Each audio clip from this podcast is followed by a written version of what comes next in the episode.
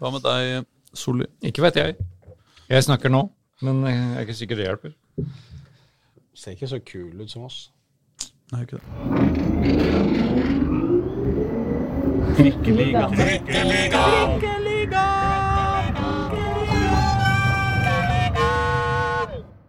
Mine damer og herrer og andre, velkommen til Trikkeligaen, sesong 4, episode 38. Det er ikke gærent, er det vel? Jeg heter Aslak Borgersrud, med meg har jeg Håkon Thon. Hei, hei. Hei, jeg har Pål Karstensen. Hei. hei. Og jeg har Reidar Solli. God dag, god dag.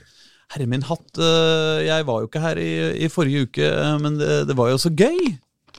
Ja, det der eh, intervjuet med Rasmus. godeste Rasmus. Ja. ja, det var kjempegøy. Herre min hatt, øh, for en fyr. Ja. Jeg skjønner ikke hvorfor han Morsom. spiller borti utenbys. Nei.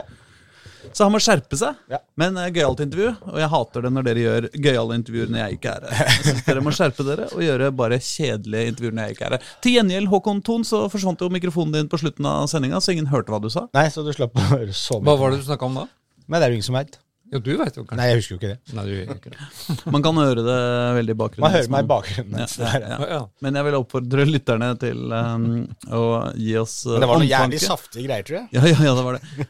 Hvis det skulle skje igjen, men uh, nå har vi bytta mikrofon uh, og flytta på oss, sånn at uh, sannsynligvis er det jeg da, i dag, som, som får mindre lyd hvis, hvis det skal oppstå i dag igjen. Ja. Um, Men for å ta, bli ferdig med Rasmus. Han, Ja. han stilte jo da i dressen sin, som han, han varslet. I ja, ja, ja, på Kjelsåskampen. På Kjel, på Kjelsåsmatchen. Så han- driver Pål Karstensen og drar en lalum her og detter av stolen uh, helt i starten av podden. Går det bra med deg? Det gikk fint. Ja, ja, det var en traumatisk opplevelse. Ja, ja, ja, nei, men det var jo uh, Han, han, han kom jo opp på uh, Grefsen stadion her og var jo så blid òg. Vi møtte han jo i, i døra der. Og han, sto, da, da, han prata jo med alt og alle som var der oppe. Ja. Og så plutselig sto vi ved siden av han, og så var det vel du, Pål, som sier ja, det, det har du fått på deg dressen, eller et eller annet sånt. Så da tok vi noen bilder av han også, da, men uh, fikk ikke aldri brukt de bildene til noe, egentlig. De, de har glemt at jeg tok. Jeg bare tok et par bilder av han, ja, men det er jo morsomt da, da. Kan kan ikke vi poste det på uh, Trikkeligaens Det kan vi uh. X-konto, da? Jo, det kan. Eller noe sånt. uh, så folk kan få gleden av å se Rasmus i, uh, i dress og, og dress og Kjelsås-drakt, var det Ja, ja. ja. Og de hadde en jævlig fin etter- eh, drakt også i den Ja. matchen her, Kjelsås, som hadde jo lagd en ny de hadde Det med var den gamle spesialdesign av en ny Ja. drakt, var ikke det? Jo, den er jo ganske lik, altså sånn Fra avstand så ser den jo ganske lik ut, men litt sånn tett på så hadde de bytta ut den der nye logoen med den gamle. Ja. Og det var litt deilig, syns jeg. Ja. Å få bort det der eh, Det klusset de har av en logo. Mm. For det er ikke spesielt pen, hvis jeg skal være helt ærlig. Den nye. Ja, det hadde vært mye strid om internt i Kjelsås, Ja, den logoen. Den er Men, eh, men logo egner seg vel dårlig på radio. Er, er det ikke radio vi holder på Ja da, jo, jo, da, det er sant. Jo, Men jo, men la oss nå begynne på Grefsen du stadion. kan, du kan sammenligne det med, med, med Oslo kommunevåpen. Ja. Det gamle og det nye. Ja, ja, ja, sånn, ja. Eh, ikke sant? Det er jo noe sånn lignende. Den, den er sikkert mye enklere å få på print, den nye Kjelsås-logoen, enn den gamle, men Mm. like fin er den ikke. Men kan vi ikke begynne på Grefsen stadion? da? Vi, altså, det var jo eh, De fleste av lytterne våre jo sikkert at dette er en depresjonsuke i eh, Oslo-fotballen. Vi hadde jo tenkt å få en rein Oslo Cup-finale Ja. eh, i år. Men isteden så, ble så blir Scotsman full i år igjen. Nei. Nei, det er feil visst. etter at de har gjennomført universets beste reklamekampanje for den puben ved å late som de skal legge ned. Ja. Så bare Nei, vi skal bare flytte den et annet sted, Karl Johan. Her er de nye lokalene! Og dessuten, hele Norge elsker Scotsman! Altså, vi må ikke snakke om Scotsman. Fuck Scotsman. uh, Hvor er den skal flytte? jeg veit ikke, jeg! Jeg driter i det. Jo, den skal, den. Jo, ligge i Karl Johans gate skulle vi ikke, ikke det? ikke snakke om Nei, jo, det var Scotsman? du som dro det opp. bare. Jeg, jeg angrer allerede. Ja, vi kan, Men- snakke om, kan vi snakke om golf i stedet, som nå er blitt eh, landets nest største. Men kanskje det ikke blir Det var, kanskje, altså Ryder Cup Men kanskje, Det kanskje var, magien bare er lokal og ikke at det er Scotsman? At det må være på en måte akkurat på den adressen, for det er der de vet Det er jo derfor de går dit, for de veit hvor det er. Ja, men da, da får Bodø Og dit, så det stengt. Molde finner fram litt. Ja. Og så slipper vi å bry oss om Vi drar på Egon, selvfølgelig. Som vanlig. Men Grefsen stadion! Vi blir hjemme, vi, tror jeg. Som vanlig. Kjelsås hadde trua, hadde de ikke det? Hvor lenge hadde Kjelsås hadde vel trua? egentlig De hadde, det- jo, de hadde det vel helt til uh, siste spark på ballen, for det var jo bare, tapte jo bare 1-0. Ja, de gjorde jo det. det, det så, jeg bare fulgte det på uh, oppdateringer på, uh, på internett, og der, var det, der fikk jeg det soleklare inntrykk at det var kamp, helt til Det det, var det. ikke var kamp lenger. Ola Bjørnland hadde jo kjempesjanse på overtid. Ja. Den kunne jo gått inn, den. De hadde et skudd i tverrleggeren i første omgangen. mm. Kjelsås. Så altså, sjansene var der. Og Bjørnland ja, var jo den siste. på en måte, altså, Et skudd i tverrleggeren i første omgangen, det veit jo ikke hvordan kampen ville utvikla seg etter det. Men det skuddet til Bjørnland, Mm. det for det er 30 sekunder før slutt. Ja. Altså tre, langt inn på overtida. Så treffer han på leggen. Er Ja, treffer veldig dårlig. Det er ikke noe sånn, Den blir på en måte litt hausa opp, den sjansen. og den er ikke sånn, det er ikke en, Han er ikke aleine med keeperen, på en måte, men han, han får vente opp eh, på er det kanskje 15 meter, noe Ja, der omkring. Like innenfor 16 meter. Ja, ikke sant? Og så snur seg 180 grader vel og skyter og treffer ikke sånn helt perfekt, men det, ja, han får i hvert fall en avslutning inne i boksen. Da, men det er mye spillere og folk altså Det skal litt til at den går inn også.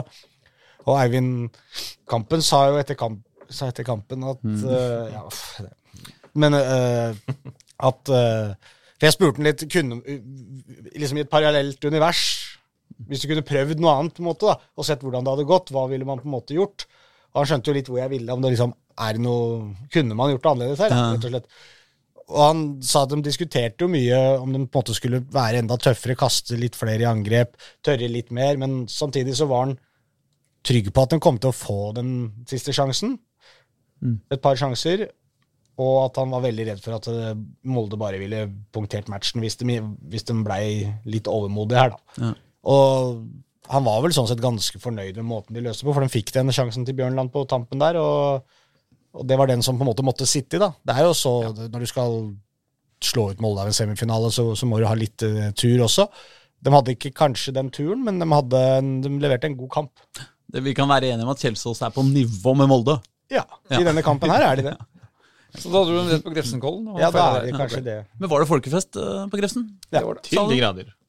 Det var veld, Nesten veldig mye folk. Nesten 3500. Det er ganske fullt. Det er veldig Det fullt. var ikke, det var ikke plass til så fryktelig mye flere folk der, nei. Folk satt på takene rundt og Nei, det savna jeg litt, faktisk. Fordi jeg føler at når det er ordentlig cupfest, det sa jeg vel, bare til deg, Pål? At det, det, det skal jo henge folk i tretoppene på en måte rundt stadion. Ja. Da er det ordentlig eh, trøkk, på en måte.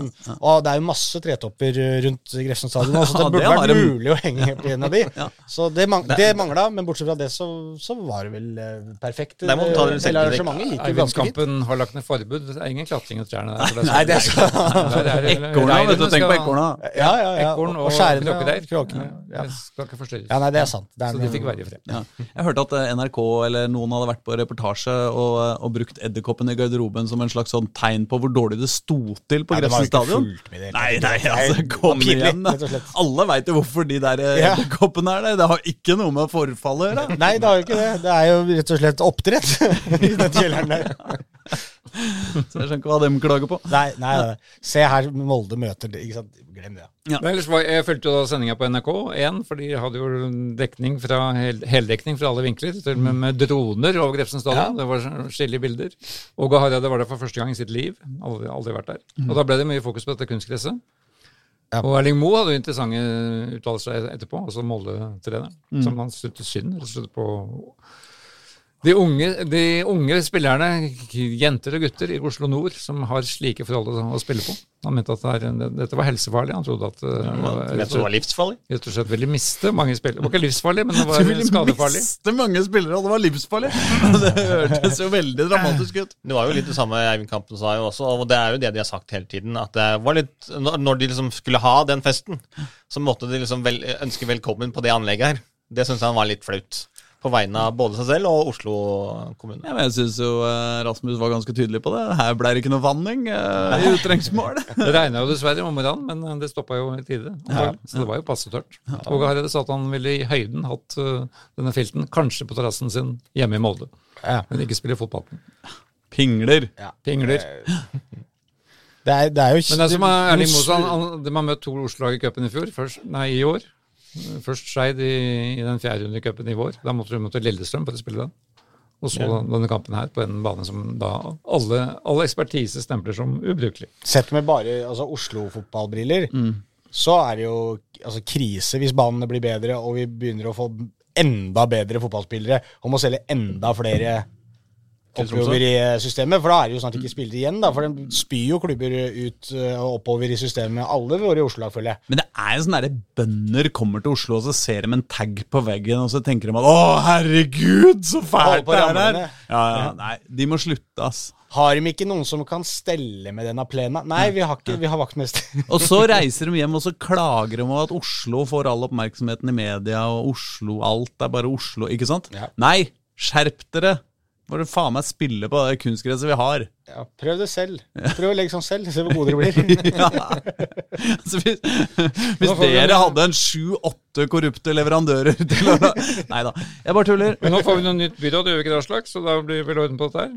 Eh. Hvem blir ny idrettsbyråd? Har vi noen gode forslag? Ja, nei, vet du hva, det eh, idrettsbyrådsposten er jo gjerne litt sånn eh, sånn eh, ung og lovende, da, som, som okay. får den. Så, så det, får, det får bli spennende. Men en eller annen fra enten venstre eller høyre blir det. Um, men, men de Altså Det mest tydelige idrettsgrepet til, eh, til eh, det, det nye byrådet er vel at de kommer til å bygge Campus Ekeberg. Eller de har de i hvert fall lovt så intenst at det tror jeg ikke de kommer til å greie å løpe fra. Det betyr at Oslo idrettskrets får eh, veldig staselige lokaler eh, på over halve Ekeberg. Eh, og det skal bli eh, 40 nye bordtennisbaner og 3000 innebandyarenaer og eh, kampsport og håndball og fotball og eh, alt som er. eh, skal de få eh, der oppe. Men eh, Isflater? Det nye laget, Nei, isflater får du ikke. den laget som rykker opp, det får ikke noen ny bane. Ekeberg. KFM. Oslo. Det, eh, det, det, er ikke, det har ikke vært et valgløfte, i hvert fall. Nei. Men, eh, men eh, vi får nå se. Vi får nå se. Det blir en til til. Ja, det kommer vi tilbake til. Kjelsås, ferdig med Kjelsås? Ja. Eh, til gjengjeld så har jo Vålerenga i hvert fall kommet til cupfinalen. Det har de. Ja. Ja. Av to.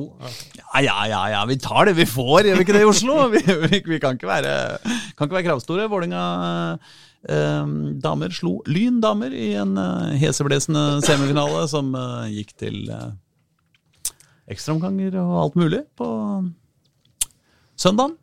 Og det var hyggelig. Det er hyggelig. Ja, Det var vel på lørdag, men, eh, men jeg var jo der på lørdag ettermiddag. ja stemmer det! Det var på lørdagen, det. Det var lørdagen, så da mm, var jo da Elise Thorsnes som hadde spilt midtstopper hele kampen. Mm. Og som var en ordentlig rundingsbøye da, da, da Lyn tok ledelsen. Mm. Med mm, Camilla Melgaard, selvfølgelig. Melgaard, ja. Som først løp fra og snudde og runda en gang til, før jeg la ballen bort i bortstjørnet. Så da syns Elise Thorsnes det var veldig greit å få avgjort denne kampen på overtid. Da, da hun ble matchvinner for ja. Vålerenga. Da hun gikk opp på en corner og banka ballen i mål. Men akkurat det er- må jo være altså egentlig marerittmotstander også for en stopper som Eller stopper som Willy Storsnes, som jo ikke er, er stopper. Men det er jo akkurat det, altså, fordi Morea, nei, Camilla Melgaard har veldig mye altså X-faktor i akkurat den delen av spillet. Og er jo veldig rask og har god, god teknikk. Og, og, og når du kommer på altså, i den situasjonen som gjorde det, så da er det veldig lett å snu, vende og så legge ballen bort i, bort i hjørnet. Så Men det er jo Eh, det er jo tynt bak der når Elise Thorsnes må spille så mange kamper som midtstopper. For du ser jo at eh, det er ikke der hun har sin spisskompetanse. Og det kan vel egentlig alle være enig i. Jeg syns jo det er artig at hun gjorde jo nøyaktig det samme mot Celtic. eh, I eh, Champions League-kvalifiseringa, hvor hun også ble lurt i, uh, i forsvar. lagde en straffe mot Vålerenga, og så går hun opp og skårer avgjørende, avgjørende etterpå. Ja. Så det, det er jo, hun går jo i null, da, Elise Thorsnes. Går i null. Ja. Skaper jo en energi på disse kampene som er litt fascinerende. Ja. Så hun da skal spilles en niende cupfinale.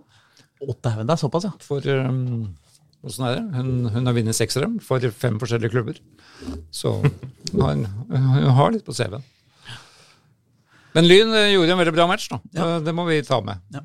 De taper jo taper, men uh, uten Anna Åhjem, toppskåreren sin på topp, Mm. så var det jo Camilla Melgaard som var det offensive, offensive våpenet. Som de måtte gå av 20 minutter for slutt, og det tror jeg mm, hadde mye å si. Mm. Knapp i begge legga fordi hun ikke har fått trent på en uke. Av hjernerystelse, som hun fikk i, i forrige match. Men um, Så Lyn skal berge plassen nå på lørdag mot Ålesnes. Mens, mens Vålerenga skal jo da De skal jo spille cupfinale mot Rosenborg. Det ble jo da klart. Så har de også Rosenborg i seriefinale uka før. Så alt, alt blir avgjort i løpet av en uke. Ja. Men det er riktig som du sier, Pål, at uh, altså etter at Ballisager uh, Pedersen forsvant ut av uh, dette Vålerenga-laget, så har de jo eh, hatt en eh, dupp. Ja. Det må jo være lov å si det. Ja, ja, Eh, det- de, de har, eh, De har, seg, eh, og, både spillemessig, men også, også på, på troppen. Også når de har hatt en, en del skader også, og litt sjukdom og, og litt sånt. Men eh, den Altså formen eh, som de hadde fram til Ballesager forsvant, da vant de jo nesten alle kampene og gjorde det ganske overbevisende. Etter det så har formen eh, eh, duppa ganske kraftig og vært veldig varierende. Så, og det har jo gjort at eh, eh, Rosenborg har jo gått forbi de på, på tabellen også. Så det hapsisere-gullet, som vi jo nesten innkasserte eh, i, på, på vårparten, det skal du slite langt mer med, med, å, med å kassere inn. Ja. Heldigvis har de jo fått inn en uh, rappende Kovacs, uh, Kovacs da. Det, det, det, der, det ligger jo mitt hjerte nært, selvfølgelig. Fotballspillere som, uh, som, som bidrar litt på rappfronten i garderoben. Og det fikk vi se på NRK. en heidundrende jubel, noen jubelscener inne fra Vålerenga-garderoben med, med rapping og alt. Det var deilig. Men tilbake til det faglige. Tungt faglige. Så jeg Da, da er ikke rapp faglig nå? Nei, nei, det er ikke faglig. Ikke Men, fotballfaglig. eh, nei, for jeg snakka med Oddbjørn Sindland, altså Lyn-treneren, dagen før, og han var inne på nettopp det samme. Altså, det, Rappinga. Ja, det, det, Det var der Det kom til å å Det glemte jeg å snakke med ham om. Nei, men han nevnte det med ballesager. Det var, det var veldig synlig. Kan ikke du prøve å rappe det du skal si nå istedenfor, Reidar? Jeg vet ikke hva rapp er for noe. jeg, det. Jo, jeg, kan, du jeg kan rape, men det blir ikke Nei, nei, på nå er du 190 år gammel, nå. Rap. Men eh, han pekte på det samme. Altså, Vålerenga med og uten ballesager var stor forskjell for de som ser hvilken strategi de skal møte Vålerenga med. Jeg bare kom på, apropos alder og Reidar jeg Solli. Har ikke du hatt bursdag? Jo. Har ikke Jo, du blitt men har- 67 siden Har sist? ikke festet fleste bursdag i løpet av år? Jo, men hurra! Hurra. Vi må ikke Ja, ja, feire oi, oi. pensjonsalderen. Ja. Du er- er- er- Hva, ikke noe kringle eller noen ting på bordet i dag, da, men Men, men jeg fikk en kakeinvitasjon fra Jan Håvard Halvorsen, som syns jeg fortjente et, et kakestykke. Yes. Det skal vi ta. Så- det er hyggelig. Ja, det burde vært en Eh, HR-sjef i Trikkeligaen som sto, for, Ja, ja, ja. eh, som sto for kake. Ja. Er det deg, det? Nei, nei, nei. nei. Altså, hver gang uh, noen sier HR, så, så eh, løper jeg ut av lokalet så fort jeg kan. Ja. Uh, Ja, men jeg fikk jo en liten feiring med um, Håkon. Vi var jo sammen på, i Sandefjord på søndag. Det var jo bare da, kvelden før. Ja. Der ble det en servering. Ja, det var jo Og ting tyder på at det gikk ganske hardt for seg, for du stiller jo her både med Fisherman's Friend og Buff eh, og litt Det stemme. Det gikk hes virkelig hardt for seg nede i Sandefjord. Altså, du du brøt jo kutymen, så du, du brøt jo inn i presserommet der og sa at jeg tar pølse, vaffel med pølse. Eller er Pølse, med vaffel. Ja. ja. Og det, det var jo sjokkerende. Det var, ja, det var sterke reaksjoner fra ja. gjengen i bua der, ja. Ja, det, var, det var feil fold. Ja, det var det de sa det, på andre sida av fjorden. Eller andre sida Det var det begynte å røre med noe, hvordan man skulle uttale det. Så jeg, jeg prøvde å stikke av, da. For jeg skjønte ikke hva hun sa. Nei, men den kampen eh, var jo Vi kan like så godt gå dit, eh, nå som vi i alle fall hopper litt hiten og diten. Hopper, ja, for, ja, det handler mye om Vålerenga. Og vi har jo ja. denne cupsemifinalen mot Bodø vi så har vi bare, den det, er så da. lenge siden. Men skal vi ta den først? Vi Eller, kan jo ta en liten Det var jo eh, kanskje årets eh, kamp. ja, det, var jo, så- altså, det var jo en fotballkamp! Det må det være. Altså, det var en for meg var det årets kamp. Ja, det, det var altså det Av Vålerenga, altså, eller totalt? Nei, totalt. I hele verden? Av alle kamper du har sett, jo. Årets kamp. Ja, av, de, av de jeg har sett, ja. Ja. ja. I hvert fall de jeg har vært til stede på. Har du sett andre på Sneller TV. seg inn her. Ja, men, men altså, det var helt, eh, helt ellevilt. Altså, det var det, skjedde, det var altså så mange situasjoner, og det skjedde så mye. Eh, både eh, Vålerenga slapp jo inn en gang til med rett Altså fra start, nesten, etter to minutter. Ja, ja. Kom du tilbake igjen, eh, Ilic skårte igjen. eh, Det var liksom fram og tilbake, veldig mye nerve. Eh, Vålerenga skårte igjen, og så kom det jo altså et helt ellevilt mål av han eh, Bodø-Glimt-spissen, som jo eh, brassesparka i krysset, og så var det jo den redninga til Haiken på etter det. Ja, på 4-2 Nei, Ja, på på- 3-2 der. På 3-2 der, ja. Som han jo Altså, da, da er, er det Illich det også, som er forbi? Nei, det biter Bitri. Nei, det er Bitri det rett og slett, som er altså forbi. Han er bak Bodø Haikin, Bodø-Glimts keeper, med ballen sprettende høyt oppe i lufta. Og eh, altså helt aleine med mål, og så greier han også å gjøre sånn tigersprang og få én finger på den ballen og dytte den ut til corner isteden. Oh, og det var liksom, Det er sånn situasjon du sitter i, så skjønner du ikke helt Hvordan scorer han ikke der? Men når du ser den på en måte i reprise, så du skjønner på en måte at han ikke får scora der òg. Ja. Han, han skal jo bare kontrollere den inn, og den er på en måte i Ballen er vel i skritthøyde, på en måte, så det er ikke naturlig at han avslutter da. Jeg tror ikke han forventer at det på en måte skal komme en lang arm bak der. Jeg tror han er ganske sikker på at her, når den detter ned, så triller jeg den inn, og det er greit. Altså, Først og fremst tenker jeg på det, bare på det som en, som en eh, crazy prestasjon av haiken. Ja, ja, ja, altså, jeg syns ikke det er dårlig av Nei, nei, nei, Nei, det er det jeg heller, mener, liksom. men, men, men når du er der med ballen, og det er helt åpen mål, og du er fire meter unna, så, så er det på en måte Hvis du ser det bildet, da, Ja. så tenker du Hvis du hadde stoppa det bildet før haiken satser, ja, ja. og hopper og skal bort og slå en vegg, og så viser det noe, tror du han scorer her Du hadde jo tippa nei, selvfølgelig, for det er et dustete spørsmål. Det, det er lurespørsmål, helt åpenbart. Men, eh, men han bør, ikke sant, da bør man jo score der. Men det er fullt forståelig at han ikke prøver å kjøre en balalaika for å, for å få ballen fort som Ja, ja, pokker i golden, ikke sant? Nei, det var, det var helt ellevilt. Og så vel hockeyscoring til slutt. Ja, eh, for det var vel egentlig Det var ikke den, den påfølgende corneren. Så ble det kontring i mål, for da Ja, var jo ja. keeperen, eh, keeperen oppe der. Storvik også. blir med opp på corneren, og det støtter jeg selvfølgelig, liksom. Ja, ja, det, altså, altså, Om de taper 3-2 eller 4-2, der spiller jo ingen rolle. Nei. Det var jo langt på overtid, og det var siste sjansen de hadde. Ja. Så eh, da blir det 4-2, som det vil også ble eh, helga før. ja, ja, det er torsdagen før. Ja. Eh, Nei, unnskyld. Ja, søndag. Ja, Ja, det var helga før. ja. Ja, for Altså, det var årets scoring og årets redning i løpet av et par, par-tre minutter. der. Ja. Men som da Ulrik Saltnes, Bodø-Glimts første um, målskårer, da, da alle om, sto og snakka om denne fantastiske volleyskåringa i Mikkesonen. Mm. Men det var jo frispark, var- sa han ikke det? Altså, var ikke det Geir, sa han. Gikk bort til Geir Bakke og sa han, det var jo frispark. Ja, ja, men altså, Eivind Kampen hadde jo ment det er frispark. Han, Ja, det mener, men det han, mente han jo- mener jo at, eh, han mener jo at, eh, at, eh, at brassespark skulle vært forbudt. Ja. Ja. Ja, og Geir Bakke var jo enig. Hvis dette hadde skjedd midt på banen, så hadde det blitt frispark. Men det var ikke det, det er en spøk. Nei, det, nei, nei altså, han, han, han har jo rett. at Hadde det skjedd midt på banen, så hadde det blitt far, avblåst for farlig spill. Men så er han enig i at uh, dette må han få lov til. Jeg, jeg, jeg, jeg bare leste om dette intervjuet. Jeg tok det for gitt at det var en spøk, for han er jo ganske godt unna uh, forsvarsspilleren her òg, er han ikke det? For han kan ikke stikke frem huet, for da, da blir jo, da blir det jo sånn drept, antagelig. For det, var jo, det er jo hardeste brassparket vi har sett i, i Norge. Ja, ok. Ja. Jeg, trodde det var, jeg trodde det var spøk. Nei, det var eh, ikke spøk, men, men, men han syntes det var greit at det ble stående, for det, var- det var så flott. det. Det er, det er raust i en semifinale i cupen. Altså. Jeg synes det. Ja, men, men Det altså, er lett så være bra var det målet òg. Så dramatisk var det målet òg, faktisk. Ja, ja, Det, altså, det- er, det er det beste målet jeg har sett i live i, i mitt liv, som jeg kan huske. Uh, mest liksom imponerende stykke eh, spark på ballen. Ja. Men, men hvis farlig spill er en regel, så er jo Eivind Kampen rett. Da burde det jo egentlig vært forbudt. Jeg kjenner at jeg må se den flere ganger i reprise. Jeg, bare, jeg tror jeg stort sett bare har sett den live, denne, dette målet. Ja. Så jeg oppfatta det ikke som farlig i det hele tatt da jeg så det. Eh, Jeg oppfatta derimot at han rygga ut av situasjonen og ut av duellen, og at det var helt sjanseløst for forsvarsspillerne å greie å komme seg foran der. Ja, Da må du inn med huet, og da blir du liggende. Ja, Ja. ja, ja ok. Ja, ja, men jeg er enig. Dette var et mål, og det skal det være. Ja. Ja. Men eh, ellers så må det jo altså begynne å være på plass å bygge statue av André Ilic eh, i nærheten av Vålerenga. Altså, vi eh, hele, hele Oslo på en måte tok jo imot uh, André Ilic med et sånt Ja, ja, det er verdt et forsøk, det, liksom.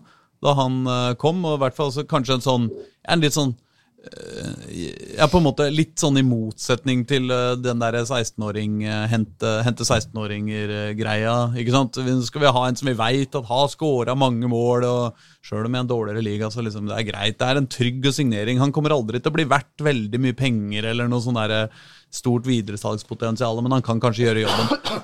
Og så bare har han altså bestemt seg for å stikke fram den derre panna si på hver, hvert eneste innlegg som kommer. Og han skårer mye Han har seks mål på de siste sju, eller noe sånt. Altså det, eller hvordan er sju Nei, han har vel seks mål på de siste fire. Ja, åssen er det? Ja, altså det Han har skåra fire matcher på rad, og så skåra to ja, så i han to av dem. to i to i dem. Ja, det er sant, det. Så han har seks på fire siste. Ja, ja. Han har uh, vist seg å være en uh, formidabel Det kan selvfølgelig være han bare har en, uh, en eh, fantastisk medvind akkurat nå, akkurat som Erling Braut Jo, men det er jo derfor han er her. Har- altså, de trengte jo en med fantastisk medvind, for det Vålerenga-skuta hadde jo ikke det i det hele tatt. Den, den lå jo dørgende stille. Mens nå har jo liksom Ja, det, hadde, det hadde liksom ikke hjulpet noe om han hadde kommet inn her, og så hadde han vært eh, helt medium. Ikke gjort noen forskjell, da.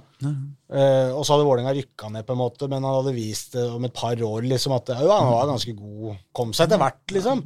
Så nå scorer han litt i førstedivisjon for oss. Det er liksom ikke Det hadde jo ikke Jeg vil minne hadde skutt dem opp igjen, da. Nei, Jeg er enig i at det var dette Vålerenga trengte, Ja. men, eh, men det er ikke alltid Vålerenga får det Vålerenga trenger. Nei, det det. Jeg, da han kom her, så var vi jo litt sånn derre Det var vel kanskje for å ikke gå for høyt ut og falle for langt ned heller. Men det var jo ingen som på en måte var Å, hei, hå-hå, nå blir det dritbra, liksom. Jeg var jo litt sånn i det stille sinnet, i hvert fall, var jeg litt sånn Er ikke dette bare enda en sånn derre vi krysser fingra og skyter i blinde fra 40 meter, og så kanskje det går, liksom. Eh, hadde ikke noe sånn De sier ja, han er god. Sånn var det jo når du henter en spiss fra, fra Lat Ja, ja, det er jo egentlig det, da. Det er jo det. er Men, jo det. men, men jeg, jeg følte at det skuddet ikke skulle gå, være så godt, da, på en måte. Fordi at ja, han har scora i, i Jeg var i Latvia? Nei, var det ikke i eh, ja, eh, Var det ikke i Latvia? Ja, noe sånt. Jeg spilte i en klubb i Latvia, men er jo fra Beograd. Ja, ja, ja. Ja da, men at det var der han hadde scora mål, på en måte. Var- eh, Ja. Ja, snakk videre, du. ja. Nei, men, nei, nei, men altså, da at han eh, Jeg Takk. jeg, jeg bare Jeg følte veldig på at eh, det, skulle, det skulle bli ingenting, på en måte. Én eller to skåringer, på en måte. At det ikke var noe forskjell. Men, og, og det som vi jo har pekt på han i nesten alle kampene, føler jeg, det er jo ikke bare at han scorer mål. Men som du sier, han er der og skaper uro inn i boksen hele tida. Er vanskelig å håndtere. Og han er god på, på, det, på dette opp, som oppspillspunkt òg, med fysikken som han bruker. fint. Og har Man glemmer på en måte også litt den derre teknikken han jo faktisk har, da, for å være et oppspillspunkt. Man tenker liksom Er du to Rogne året, så er du et godt oppspillspunkt, men du må på en måte kunne behandle ballen. Eh, og slå pasninger som er brukbare også, da, for at det skal bli noe mer enn bare at du står der og kriger. Og der, eh, der har han vært veldig god også der. Og det der gjenlegget han hadde her i den ene matchen også, ikke var noe sånn det, det, bare, det er sånn høyt, europe, høy europeisk klasse over det. For det, det ser ikke så fryktelig vanskelig ut, men det er sånn Det går fort, og det er riktig valg, og det er presist utført. Ikke stå og tråkke på ballen en ekstra gang og det, det røret der. Bare Ja. gjør det som skal gjøres, fort og riktig. Og hvis man i tillegg skal liksom dra denne hyllesten hele veien, så skal det jo også sies at dette har åpenbart noe med Geir Bakke sin omlegging eh, til eh, to, eh, to, to mann i angrep. Men Vålerenga sitt presspill, øh, høyt, høye presspill, har jo også blitt usedvanlig mye bedre. Eh, den der kombinasjonen Ofkir og Ilic eh, eh, Det er jo en helt annen verden enn sånn det har vært før. Uansett om det har vært Børven, eh, Jatta eller Udal som har løpt litt sånn aleine fram og tilbake for å prøve å presse ballen ut av en keeper. Du får jo aldri en ball ut av det der. Men eh, nå eh, de siste kampene har jo altså Vålerenga faktisk begynt å vinne ballen høyt i banen iblant. Ja, Det ser du, altså, altså Han har veldig veldig gode spissbevegelser. Altså Både med og uten ball. Altså han, han, altså Når Vålerenga har ball, så er han veldig flink til å posisjonere seg, gå på gode løp, åpner opp rom for andre. Når Vålerenga ikke har ball, så er han jævlig flink til å også, også presse og, og være med et, et pressledd sammen med med, med Ofker, som jo virkelig, i hvert fall nå de siste par kampene igjen, har heva seg til den spilleren som vi, vi veit han kan, kan være. Etter at han da eh, hadde en litt tung periode der eh, egentlig store deler av sesongen. Men eh, i, eh, i det tospannet der så har de vært, uh, vært veldig gode. altså Spesielt i den Bodø-Glimt-kampen nå hjemme. De var nesten et, et angrep for seg selv, og det er så viktig i sånne kamper. Det var han også borte mot Bodø-Glimt. altså han når, når et lag blir pressa så mye, som jo Vålerenga har blitt i begge kampene mot Bodø, så, så er det så viktig å ha en sånn spiller som du kan slå opp på, som kan liksom heve laget, få laget med opp, holde litt på ballen, skape litt eh, frirom for, for de andre spillerne. Så eh, altså, Ilic har vært eh, jeg skal ikke kalle det over all forventning, men det har vært, altså, det har vært mye bedre enn jeg trodde. Og det har gått mye raskere enn jeg trodde også. Så han mm. eh, absolutt en, en supersignering så langt for, for Vålerengas side. Og så har du jo også uh, Borchgrevink, da. Også, som har kommet tilbake. Eh, har vært veldig viktig, viktig for dem. Tenk deg det å være ute i to år og sitte og pumpe jern og gå i dress på alle kampene, liksom. Ja. Og så kommer du tilbake, og så tar det liksom tre-fire kamper, og så er du uh, den mest produktive Nei, men, nei, nei, men han, var, han var kjapt med, men, men, Ja da. Men da var det litt sånn Å, yes! Se, Borchgrevink er her! Wow, et bra innlegg fra Borchgrevink. Men nå er han jo helt Nå er han jo liksom, det, liksom Han fòrer på med gode innlegg, eh, og samtidig Nei, Og så får de Borch det- er helt han har også det er liksom, Han er Vålerenga på mange måter. Altså Han er liksom en sånn som har vært der alltid. Er født og oppvokst der. Alt, si. mm. Han er liksom den og kommer tilbake og, og tar den lille rollen her og gir kanskje noe, noe ekstra til at det her, det her betyr noe. Det er mye pent å si om Lille Tøyen, altså, men, eh, men Vålerenga er det ikke. Nei, Men han er fra Oslo. men, men, men, men eh, det som også er, når du har Borchgrevink der og så eh, mot Sandefjord når Jeg snakka når jeg var på den kampen, eh, Risnes på andre på måte, vingbekken. Mm. Der har du to, øh, to altså Sandefjord er gode på, på én ting offensivt, og det er å komme rundt på kantene. Ja, for nå har vi beveget oss over til Sandefjord-kampen, Ja, da vi bare gjorde det litt sånn Ja, men det er ok, øh. Vi snakker jo om Vålerenga nå, så Ja, ja, vi kan like godt uh, gå Ja. inn på det. Men Jeg bare hjelper lytterne med Ja, litt ja, ja. for å få, få klarhet i huset Ja, og det, der har jo, sant, det har jo Sandefjord egentlig vært i mange sesonger. Det er jo derfor de har øst ut vinger til, til lag hele tida, som annet eh, Ofkir. da. Eh, Men der var jo Vålerenga, vi, det snakka vi om, Reidar, at der var de fryktelig gode mot eh, Sandefjord på å stenge akkurat eh, det der. Og det er en litt sånn kan være en vanskelig øvelse. Det høres jo trygt og godt ut når du stiller med en, med en femmer bak, da, for å si det sånn, som de gjør når de forsvarer seg. Men de skal jo også være da wingbacker, så de skal gjerne være med litt offensivt. Og på den sida til Risnes så var det vel han der Gilbert Komsom. Han kom vel eh, Han kom én gang igjennom der, eller to kanskje, men det var etter noen stygge feilpasninger. Og det som Borchgrevink og Risnes har der på de wingback eh, på, på kantene der, det er at de er eh, De har en sånn tøffhet, eh, sånn offensivitet i forsvarsspillet sitt, hvor Risnes flere ganger du ser han liksom kommer stupende fram. ikke sant? Stormer opp i ryggen på vingen. Noen ganger prøver å hive seg en foran, som kanskje kan være litt skummelt òg, og bomme på det, men, men de, de er en sånn de er blitt fryktelig ekle å, å, å spille mot. Da. Det er veldig sånn energi i det der. Og når de får tre stoppere bak der, og det er kanskje der jeg ville gjort den ene endringa, At At uh, hun kunne fått uh, Aron Kiel Olsen i gang på den ene stoppeplassen her istedenfor Fredrik Oldrup Jensen. Jensen. Men, uh, men sånn strukturmessig så ser det jo ganske mye bedre ut nå. Du får liksom Strandberg får liksom tida med ballen i beina sentralt der, og har jo en bra pasningsfot, kan, kan chippe baller til høyre og venstre. Eh, God straffefot òg. ja, veldig fin straffefot. Mm. Så ja, jeg er enig i at sånn, vi kan hylle enkeltspillere, men det er på en måte en totalsum her som har eh, gjort at det blir bedre. Noen spillere som er henta inn, noen som er tilbake, og en trener som har fått litt tid til å, til å faktisk gjøre det som han sa han skulle gjøre. Ja, ja. Og som folk har på en måte akseptert at ja, vi skjønner Ja, at det kan ta noen. Ofki liker seg jo Sandefjord. Han fikk jo pris før kampstart Ja, med av Blå, Blå, som fjorårets beste spiller for Sandefjord. Mm. Og så går det ut der banens beste spiller mot Sandefjord. Og hopper eh, altså så høyt i en duell her at han er nødt til å nikke ned hvis det ikke skal bli eh, eh, Altså det målet han, han skårer mot, mot Sandefjord. Han hopper Nå jo snakker du om Ilic, Ilic. Ja, Ilic, ja. Ja, ja, unnskyld. unnskyld. Ja, ja, ja, ja. Ja, ja. Jeg beklager. Jeg Nei, ja, for det er over til uh, Ilic igjen. Som er, altså, hvor, hvor kunne han vært en høydehopper? Han slår jo Jesper Toje med en halvmeter i den duellen der. ja, ja. Jesper Toje er kanskje en av landets beste hodespillere. Ja, det er jo det. Han er jo nesten det er som du sier, han er jo nesten over tverrleggeren med huet, så han må jo få den ballen ned.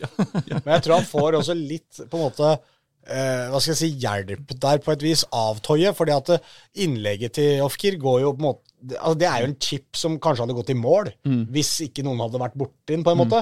Eh, Ja, for du snakka om når vi satt der, at dette var en keepertabbe. keeper- ja, jeg syns det, jeg syns det var rart at han keeperen ikke Men det var jo så høy bue. på Ja, det var det, men jeg tenkte mer på at han keeperen da når det ble så høy bue, at han burde rukket å tatt et steg bakover litt tidligere der. Ja. Han er litt treig i oppfattelsen, rett og slett, på at oi, den går Så når du ser den i reprise, så tar han på en måte Ja, han tar et skritt bakover og, og kaster seg, men øh, det var jo noen jeg hørte Sandefjord-folk også som var litt sånn at det er skal jo egentlig ikke klare å slippe den forbi deg, på en måte. Da. Men det er godt, det er godt slått inn av Ofker. Men den eh, hodeduellen som oppstår, der er vel Ilish på en måte først inne, så han går jo opp. Og Toje løper jo inn i han, på en måte. Og det bildet som, som du viste meg, Reidar, hvor du ser de to, som er ganske stilige, for han henger så høyt der. Men da har han på en måte rumpa nesten liksom oppå armen til Jesper Toje på et vis, ikke sant? Og han blir nesten kanskje liggende oppå den mens Toje løper mot eget mål. For han må jo bare løpe mot eget mål og håpe på at han kan få redda det på et eller annet vis. Og, men allikevel, det, det er et eh, det er, det er spenst i den gutten, ja. For du så To- Toje, som du sier det er, jeg tror ikke det er mange spillere i Eliteserien som er bedre enn han på huet. Han knuste jo Biter i, i samtlige hodedueller i denne matchen her, men tapte da den viktige mot Ilic. Ja.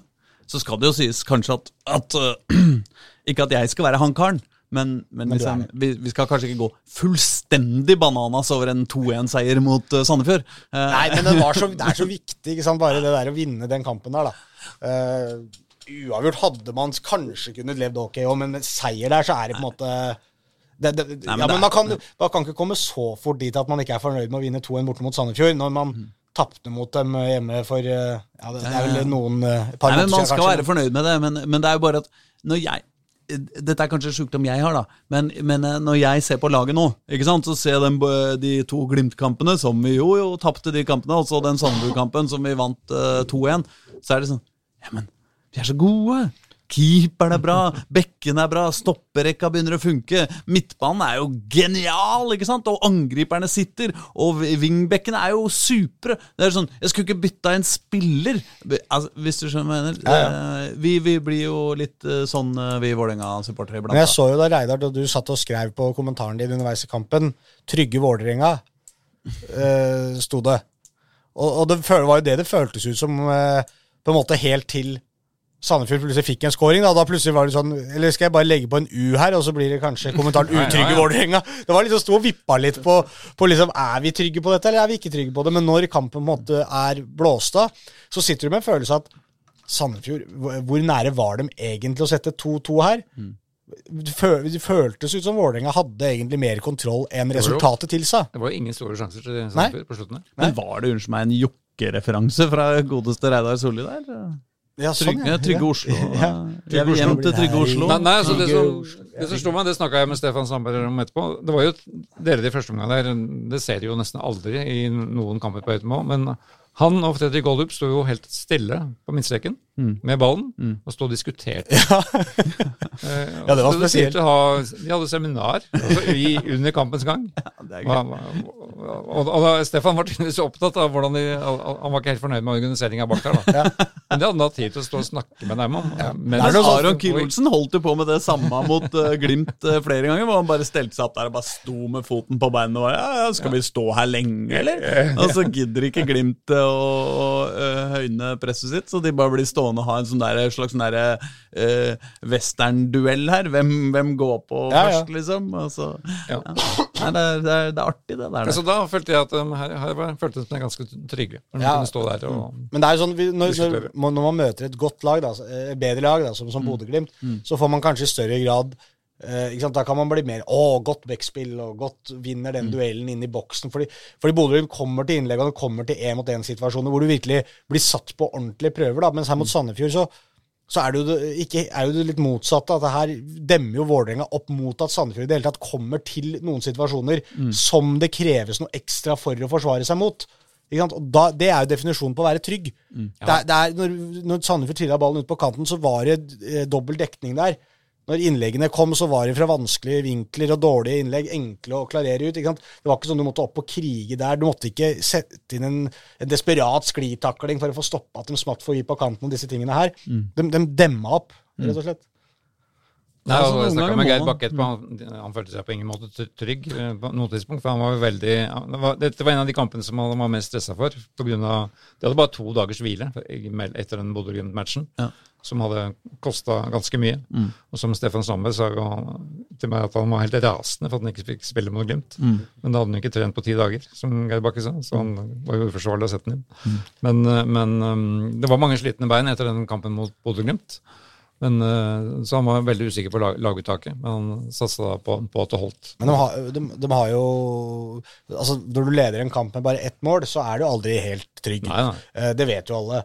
Eh, Og selv om Sandefjord kanskje ikke kommer til de store sjansene, så apropos Jesper Toje, da. Han ble jo flytta opp som spiss på, på tampen der, og vant jo samtlige hodedueller. Eh, Men det ble jo ikke noe Men han, han fikk liksom aldri noe trøkk i avslutningene. Det ble ikke sånn feberredninger og kaos inni, inni boksen. Men når du møter et lag som har en så god hodespiller, så, så er, det, er det skummelt. Jeg fikk litt sånn derre Var det ikke da Koffa møtte Fredrikstad i den derre playoffen hvor de trengte en scoring helt på tampen? Var det ikke Toje som da gikk opp Toje og gikk fikk opp da, stussa den hedda videre? den ned, og så skårte de helt på, på slutten. Ja, ikke sant? Det var litt sånn jeg Standefjord hadde liksom akkurat det samme. De fikk slått ballene akkurat dit, der Toje var.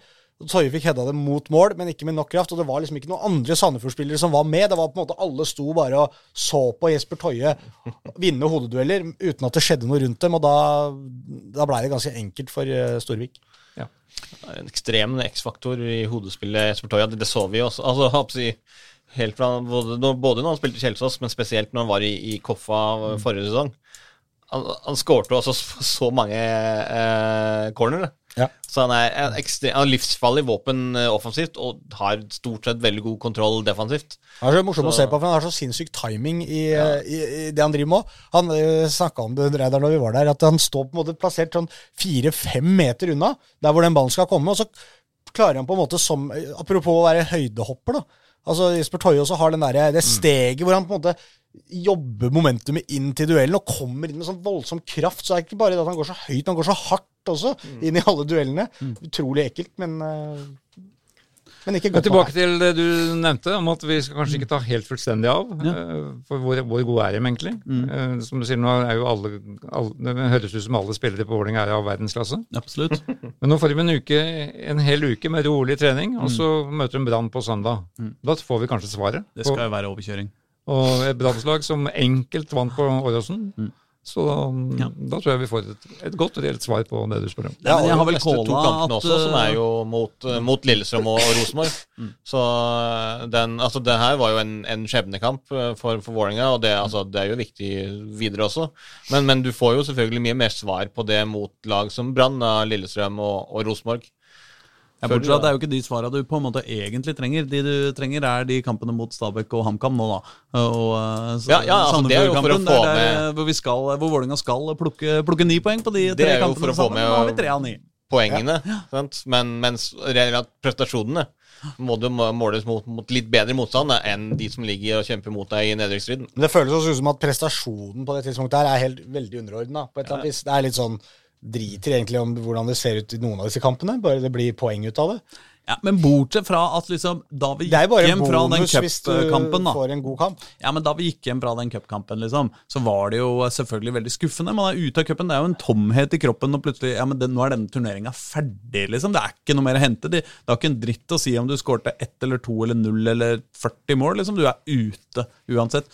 Men samtidig så, så var det ikke sånn veldig knust gjeng av Vålerenga-supportere som eh, labba hjem over rundkjøringa eh, i sånn, Snargangen, holdt jeg på å si, hva det heter, den der veien der. Det var mye, det var ikke mye sinne etter den kampen der? Nei da. Nei da. Er, folk var, folk syntes de hadde sett en god fotballkamp, sett et Vålerenga som presterte, og så ja ja, ok, det ble ikke noe cupfinale i år. Men jeg lurer på om vi skal hoppe videre til eh, Obos-ligaen. Dere det. Interessert i det? Det er vi veldig interessert i. Ja, så bra, fordi der er vel eh, fortsatt eh, Ja, ikke sant, som du sier. Hvor skal man spille til neste år for, eh, for Koffa? Ja, så Det går jo mot opprykk for Koffa. Det er ikke noe, og det er selvfølgelig noe å lure på. Det er ikke, det er ikke backers, men eh, Men så Nei, dårlig som form sagt- som Kongsvinger har vært i. vi har vel sagt i de fire siste episodene skal de noen gang rykke opp, så skjer det i år. Ja. Og nå går jo veien for ja. En ting er at de vinner sjøl i Kristiansund borte, 2-0. Det er jo isolert sett veldig sterkt. Men også da lagene nærmest dem taper. Så Og det, er- altså Kongsvinger også, som jo er det laget som har vært nærmest. De har vært i så dårlig form i det siste.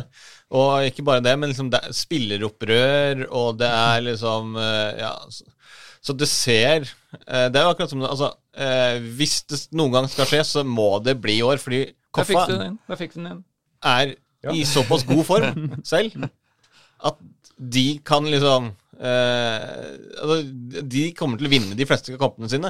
Mens eh, liksom trusselen fra de andre lagene er ikke så sterk, fordi du har et Kongsvinger-lag som ikke er eh, i like god form. Du har et startlag som er ekstremt ustabile. Eh, og da eh, da, da, da er det liksom litt vanskelig å se hvor langt bak de kan komme. De andre lagene og hente, hente igjen Koffa. da. Altså Start er jo nesten øh, så vi kan si de er hekta av. De er jo nå åtte poeng bak, med fem kamper igjen å spille. Ja, ja. Det skal mye til å ta igjen Koffa med åtte poeng på fem kamper. Ja, Kongsvinger du er jo si, fire har- poeng bak. Hvis du er Start, da, de, har, de, har, eh, de skal ha Koffa hjemme Ja, i siste, da. skal møtes. Så si at de legger inn at det, der tar vi en seier, så er det fem, da. De må hente igjen før den. Ja. Det er avgjort før den. Ja, på Ja da. fire kamper. da Skal hente en fem på fire kamper. da Det, Ja, det er det. Også, det er også en ganske stor jobb. Det er det. Eh, det er klart Da må Koffa ha en liten kollaps. Mitt tips er at det er avgjort før den kampen i Kristiansand. Ja. Det er nok det, Men Kongsvinger kan jo fortsatt blande seg. Der er fire poeng. Ehm, men, ehm, men det, er jo, det, altså, det er jo mer sannsynlig at Koffa tar Fredrikstad og vinner hele ligaen, enn at, eh, enn at Start skulle greie å blande seg. Sånn poengmessig, da. Ja. Uh, og Koffa har igjen tre hjemmekamper som på papiret er ganske greie. Bryne, Raufoss, Skeid. Mm. Det er, eh, Og så har de bortekamper mot Sogndal og Start. De er tøffe. Men, uh, men tar de og vinner de de tre hjemmekampene der? Det er ni poeng. Hvor Ja. mange har de da? Ja, Da er de oppe på 56. Ja. Det pleier å holde til opprykk, det. tror jeg. Det holder, det. Ja. Vinn hjemme.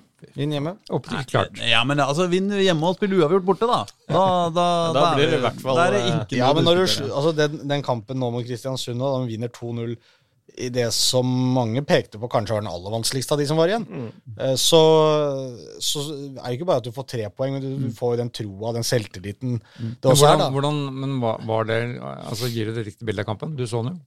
Ja, jeg så den jeg på lørdag, ja. Uh, ja, det var vel et greit nok bilde av kampen. Koffa var jo bedre enn dem i første omgang. Så var det en liten periode der i annenomgangen hvor eh, Kristiansund eh, jeg følte liksom ikke at det var sånn ordentlig farlig. Det var ikke sånn voldsomme sjanser. Men de hadde et visst trøkk. da De var spreke i andre omgangen der i Kristiansund. Men etter at, eh, etter at Koffa gikk opp til 2-0, så, så føltes det jo ut som det var sikkert. Da var det jo ikke igjen så veldig mye heller. Det var vel en seks-sju minutter igjen eller noe sånt, tror jeg, da de skåra. Ok, men de er jo litt heldige med skåringene, da, det skal sies. Det er jo to egentlig tabber fra Kristiansund. Det er jo det som skiller disse to lagene. Så å si om 2-0 er et riktig på en måte, bilde av kampen, kanskje ikke, men, men Koffa gjør ingen feil, da. Ikke sant? Kristiansund gjør to tabber, Ja, og Koffa utnytter de to feilene til det fulle. Og det er på en måte det er jo Hvordan tabber var det? Kan du ikke fortelle om dem? ja, det var eh, Nå huska jeg bare den første først. Nei, den siste først. Nei, var det ikke det? Da var det- det, det det var, mest eh, minneverdige. Den den mest minneverdige må jo være Nei, Den første var jo keeperen, ja, som var ute der og surra på han Moren Baie. Var ute på 25 meter, 25, ja, rundt der. Ja.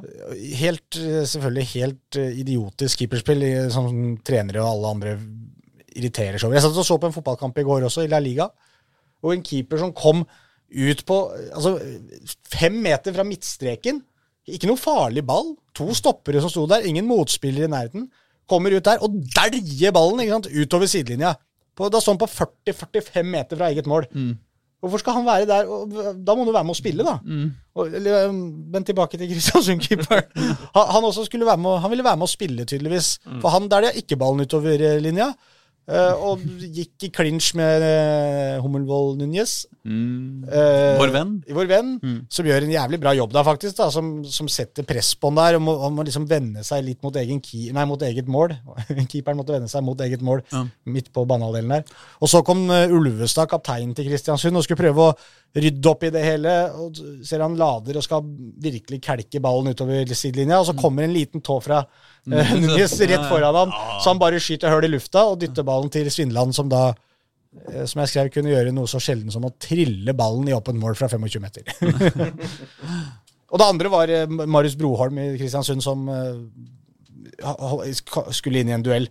Tuppa ballen, trodde han var smart og tuppa han vekk fra beina til en Koffa-spiller hjem mot egen keeper, og så var det jo rett på blad til uh, Okeke, Ja. som ja. satt den. Ja. Aleine med keeperen. På bladet, du. Ja, rett på bladet. Hockey, hockeyreferansen.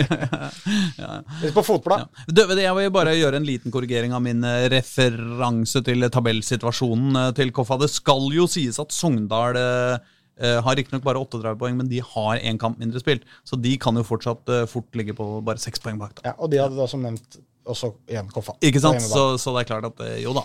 Ja da. Det er, altså, det er på ingen måte avgjort. Men det de er jo ikke sitter det. i de, Men, de har i egne hender, Ja, egne, ja. som det så fint heter. Ja.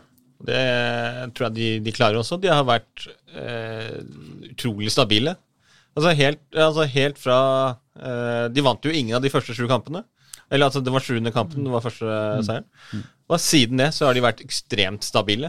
Eh, de hadde jo en kjemperekke der med, med eh, seire på rad. Så har de vært, vært, utrolig, utrolig stabile. Bare spilt eh, bra fotball. Og det, det er ingenting som ser ut til at de skal eh, kollapse eh, på den måten. De hadde litt sånn eh, med Under Isnes der en, De hadde liksom akkurat én periode eh, hvert år som gjorde at de, liksom, de mista akkurat de poengene som, som de trengte for å, for å rykke direkte opp. Håkon, eh, du forstyrrer eh, Paul her nå med din uh, Fisherman's. Friend-kasting gjennom lufta. Mm. Andre forsøk. Eh, Dette er en hersketeknikk, du vet det. Ja. Ja, ja, og det, det, akkurat den biten her ser det ut til at de har fått orden på. Altså den stabiliteten. da. Så Ja, Bortsett fra de sju første kampene, da. Ja, ja, ja, Men, men ja. de trengte liksom sju kamper da på å spille seg inn. Da, den, altså, da var det jo da ny trener, sant? nytt spillesystem, nye spillere. De hadde mista et helt forsvar. Sant? Så de, de trengte jo åpenbart litt tid for å sette seg inn i tankene da, til, til Mosgaard og, og den nye trenergjengen. Da, og liksom Hvordan skal vi spille, og hva, hvordan skal vi gjøre der? Og etter det så har det jo bare gått én vei. Så nei, altså at det blir eh, Det blir opprykk på Ekeberg, som det ser ut nå, det er jo altså en helt ellevill prestasjon. Så langt er Johannes Mosgaard årets trener i Obos-ligaen. For de som ikke visste det. Ja, han ligger jo veldig godt an til å bli kåra til årets trener her i Ja. Trikkeligaen når vi skal kåre det også. Og så blir det jo lovende å se hvem som blir eh, årets eh, stadionutleier for ja. neste år. Ja, det blir vel hjemmekamp på Mjøndalen, tenker jeg. Det ligger vel an til eh, Men det er jo ikke, det, der er det jo sånn at eh, NFF kan jo gi dispensasjon for mye.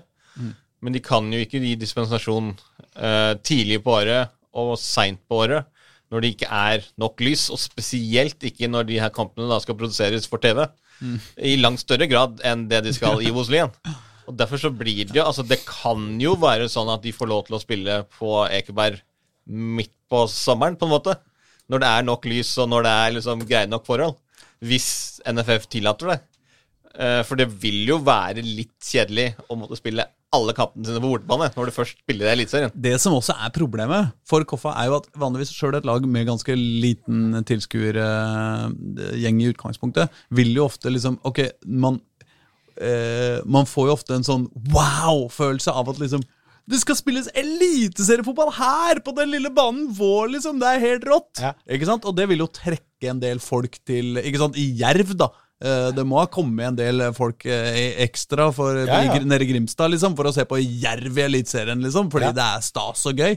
Mens hvis man da skal bare flytte det så man blir bare en sånn herre på til Intility, da, og få liksom Ja, hei sann, vi har 2000 folk på Intility! Oh, det, det, det er jo så Altså, åh, det hadde vært så gøy å få bygg nå! 40 000 midlertidige tribuner oppå Ekebergsletta her. Jeg synes det hadde vært. Legg eh, Bygg kulvert for, eh, for, eh, for Ekebergveien, og finn en løsning. Sier nå jeg, da. Ja, jeg- Uten at jeg har overhodet greie på om dette lar seg gjøre. Det gjør det sikkert ikke, men likevel. Det har vært Jeg synes gøy. det høres gøy- ut bare å spille sånn som det er akkurat nå. Jeg synes det bildet er morsomt også, når de går over veien. Synes, det er jo morsomt med det òg. Å gå over veien. Ja, men liksom Rosenborg-spillere liksom tusler over. Ja, ja, VAR-bussen står uh, feilparkert i Nei da. Ja, det er mye som kan på en måte gå gærent. Altså, det er vel, ja, men det er faktisk hovedargumentet mot at det ikke, ikke blir Ekeberg i det hele tatt. Jeg tror ikke det kan installeres var der, på Nei. de fasilitetene som er nå. Nei, fordi er- kameraene, Hvor skal du se henge alle disse kameraene? liksom? Ja, ja. Altså, det var jo litt sånn som vi, når vi var på, på, på Grefsen. Altså, når de hadde den altså, Det var jo langt flere kameraer nå enn det var noen som har vært på en, en kamp på Grefsen stadion. Og da var det jo liksom eh, stillaser her og stillaser der, og folk oppe i tårnet her, og, og alle, alle sånne ting. Så det, det, det blir jo vanskelig for, eh, for, for Koffa på, på Ekeberg. Men det er jo akkurat det som er ekstremt synd, da. For da går du glipp av Altså, du rykker opp til Eliteserien, men du får liksom ikke noe igjen for det. Fordi du må liksom bruke eh, alt det du nesten får inn av ekstra inntekter, må du bruke på leien til til, liksom, for å spille alle hjemmekampene dine på bortebane. Og da får du heller ikke bygd noe eh, tilhenger Altså for, for publikum så er det jo liksom ikke Ja. «Oi, hei, du skal komme og se, ja, det er på Intility. Å ja, det var sånn det var. Ja, ja. det er Vålerenga-klistremerker overalt. Og Ja, ja. der, ja. Og det, og Koffa trives jo veldig godt på Intility, det er jo ikke det, altså, men, men, men, men de de mister en hel dimensjon av, av det å rykke opp. uh, endelig til Eliteserien. Fordi det er jo en helt ellevill prestasjon. Men hvis det er noe kristenbevegelsen i Norge er god på, så er det jo også å samle ikke sant, eh, 2500 folk til å bygge et eller annet greier jævlig fort. Ja. Eh, Så det er jo det jeg syns eh, man burde gjøre nå. Ha dugnad. Hele Kristen-Norge eh, må nå forenes om å bygge Kan Obos-sjefen eh, stå kan i kiosken på Koffa der? Eh, Kan kan ikke han fikse noe? Ja, ja, sikkert. Jeg tror jo ikke at det er Kjell Magne eh, Bondevik er jo supporter også. ja, ja. Det, det, Verken eh, Koffa det står på, eller altså, de kristne. Det er jo Vers mer gjennom lov til seier, eh, Pål Er Ja, Bondevik både Molde-supporter og Koffa-supporter? Ja, han er Og veldig Han jo på. Grefsen stadion. Ja, Ja, ja. Han er jo veldig Han, altså Kjell Magne Bondevik er en av de som alltid eh, liker mine tweets på, på X, som det heter, da, etter at jeg har skrevet noe om, eh, om Koffa. Så han er veldig for, eh, for det. Men det er jo det er jo trist. Det er jo selvfølgelig den her eh, banesituasjonen som de har holdt på med i er det 14 året? De er eh, inne i det nå, med konflikter med naboer og byråd og alt mulig rart oppe der, for å ikke få gang på den der familiearenaen sin. Kanskje de kunne søkt om utsettelse? Sesongen. Av- hele sesongen. Av å Nei, av, av, av opprykket, ja. Ja, ja. Ja. Altså, vi tar det- det opprykket. En fem, fem års utsettelse av opprykket kunne vært en mulighet. Vi kan spille når banen er klar. Ja, ja, ja, det jeg tenkte også Hvis de hadde spilt på den banen de har der eh, nå Mm. eh, Så hadde eh, Jeg lurer på på en måte også sånn, man, Alle arenaer i Norge så har du et bortefelt, Mm. og så selger du de billettene. Og så har du på en måte resterende billetter. Mm. Eh, de er åpne for hjemmepublikummet, da.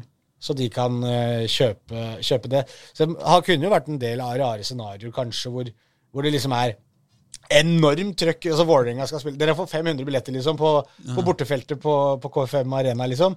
Og de blir solgt med en gang.